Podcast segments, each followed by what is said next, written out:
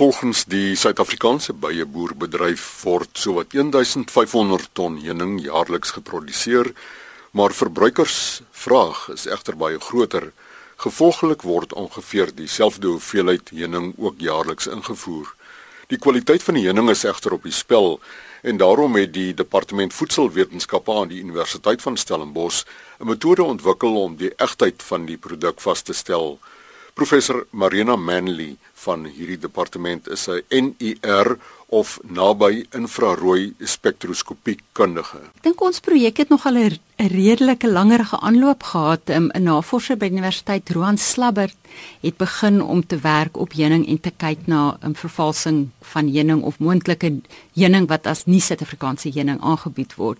Maar hy het gekyk na DNA-analise wat natuurlik hoë koste het en tydrowend is.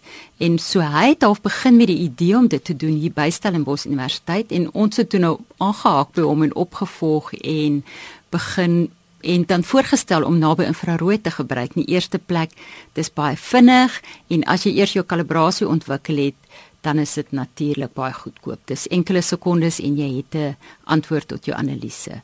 So ons het toe opgevolg met wat ehm um, Roan gedoen het en Mike Alsop.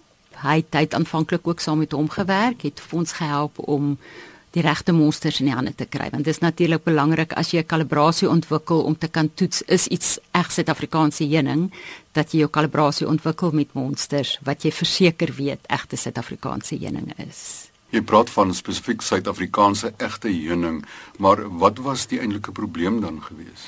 Wat kan gebeur is dat ingevoerde heuning mense kan heuning invoer en dan dit of moontlik meng met Suid-Afrikaanse heuning of dit moontlik verkoop as Suid-Afrikaanse heuning.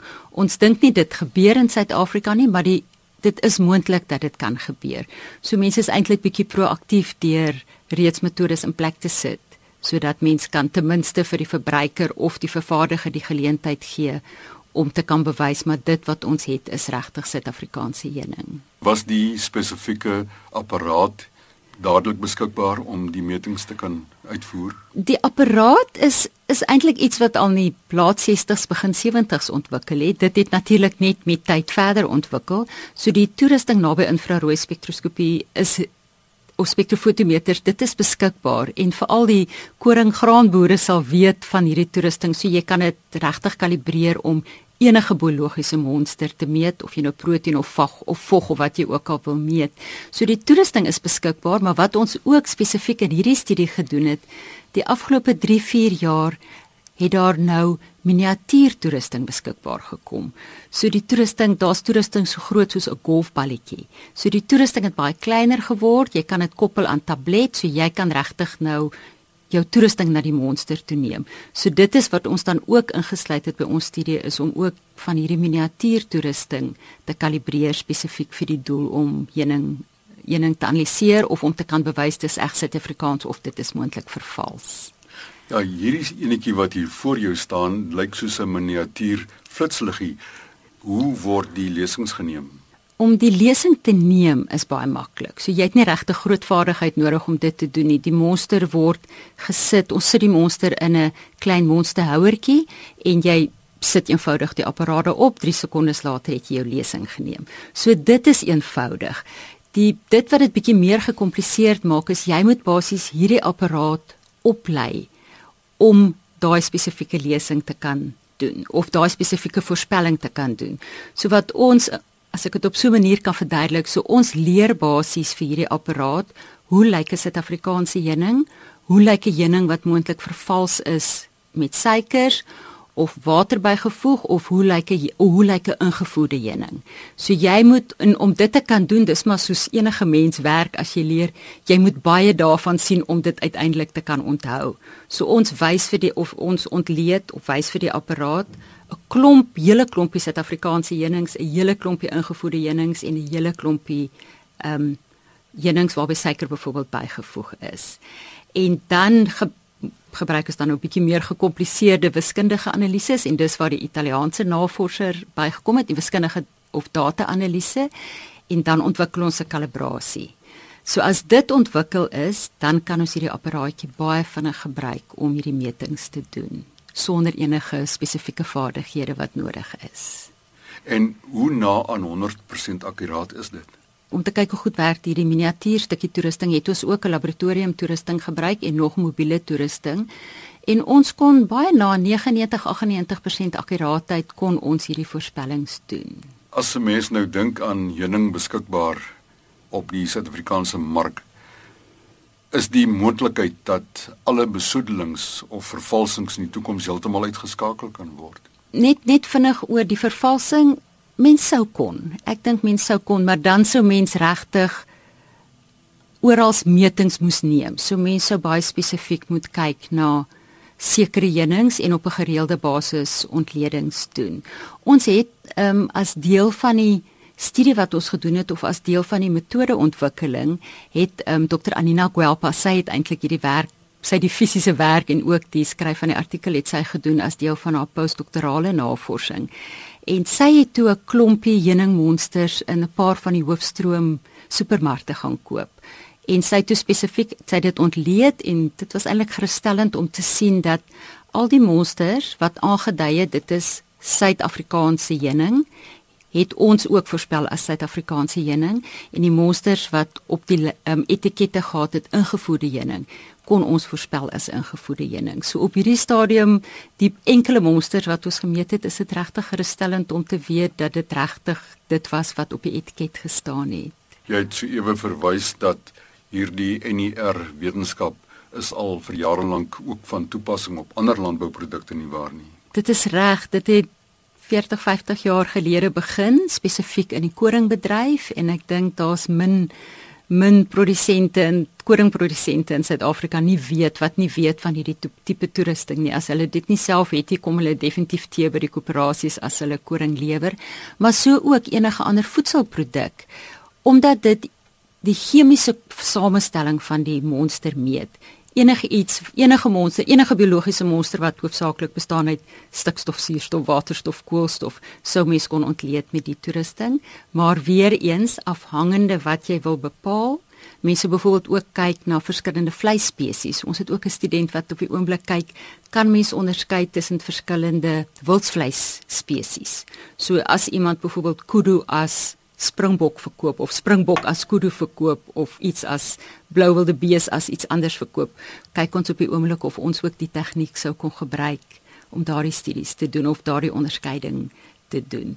So dis regtig ek sê altyd omtrent enigiets wat jou hart begeer. So enige biologiese monster as mens dit sou wou doen, die belangrikste natuurlik, jy moet weer eens deur die hele proses van modelontwikkeling of kalibrasie daarstelling doen. Dit gee mense daarom net 'n idee van die gewellige omvang van voedselwetenskap. Dit is reg. Ja, ek moet sê ons voedselskapstudente, ons moes ons ons kursus moes ons hierdie jaar as 'n keuringskursus begin weens die belangstelling in voedselwetenskap. So mense sien net die die belang daarvan ook in ons hedendaagse omgewing dat jy regtig daar regtig 'n behoefte is aan opleiding in hierdie rigting. So ons daar word ongelooflike navorsing in ons departement gedoen. Daar's navorsers wat werk op smaakprofiele, sensoriese profiele van heuningbostee, rooibostee wat regtig uitstekende werk is. En ons het ook hierdie jaar met 'n nuwe nagraadse kursus begin, 'n MSc in voedselsekuriteit en voeding.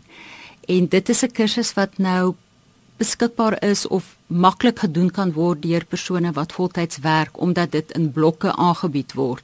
So iemand hoef nie vir 2 jaar voltyds op kampus te wees om die kursus te doen nie. So ons is opgewonde dat daar reeds hierdie jaar al 'n hele klompie studente is wat begin het met hierdie kursus. Die behoefte is definitief daar en ons sien dit nog steeds almal al het ons 'n groot hoeveelheid studente wat gradueer is daar ek dink nie enige van ons studente wat nie baie gou in 'n baie goeie posisie in die voedselbedryf instap nie. So die werksgeleenthede is verseker daar. Dit is ook iets baie lekkers van voedselwetenskap vir my as ons met die studente gesels en mense sien ook hoe die studente ontwikkel na finale jaar voordat hulle uitgaan om te werk. Daar's verskillende persoonlikhede en binne voedselwetenskap is daar 'n geleentheid vir elke tipe persoonlikheid. Die een persoon wat baie presies werk gaan doen kwaliteitsbeheer die een wat baie meer kreatief is gaan doen produkontwikkeling die een wat op sy voete kan dink word 'n fabrieks of 'n produksiebestuurder so daar's regte geleenthede enige persoonlikheid groot wye belangstelling in voedselwetenskap. Om terug te keer na hierdie apparaatjie wat hier voor jou lê, wat is die prys van hierdie stukkie apparaat? Ja, Chris het nou gesê dit lyk soos 'n flitsliggie wat hier lê, maar ongelukkig praat ons nog in die omgewing van ongeveer 300 000 rand. So dit is duur, maar ons hoop nog steeds mens sien al hoe meer 'n eh, miniatuur ons um, in die aspektofotometers op die mark kom en dis wat die mense wat dit vervaardig of vervaardiger sê ook hoe meer hulle verkoop soos dit maar enigsins in enige besigheid werk hoe laer kan die prys kom. So ongelukkig is dit nog duur op die oomblik maar ons het ons het enkeles beskikbaar by die departement So en dit word die studente gebruik dit en reis land voor om verskillende ontledings te doen op verskillende produkte. So daar's regtig so solank ons hierdie tipe toerusting het, gee dit ook vir ons geleenthede om MSc studente daarin op te lei op 'n baie wye veld van toepassings. Marina daar mag vandag voornemende studente wees wat belangstelling toon in hierdie spesifieke rigting voedselwetenskap hoe gaan hulle te werk? Hulle kan my direk kontak per e-pos is mman @sun.ac.za en ek kan hulle dan nou verwys na die regte persoon. En hoeveel eerstejaars kan julle elke jaar inskryf? Ons ons neem op die oomblik ten minste 50, ten minste 50 eerstejaars en ons kry aansienlik meer aansoeke as die 50 wat ons neem. Die vorige 2, 3 jare het ons byna 80 eerstejaars gehad. So ons moes dit bietjie afbring omdat ons fasiliteite kan dit net nie akkommodeer nie. So ons neem ten minste 50 eerstejaars, so daar is daar is plek vir goeie kandidaate. En so gesels professor Marina Manley, NER of naby infrarooi spektroskopie kenner verbonde aan die departement voedselwetenskap aan die Universiteit van Stellenbosch. Haar e-posadres mman@sun.ac.za.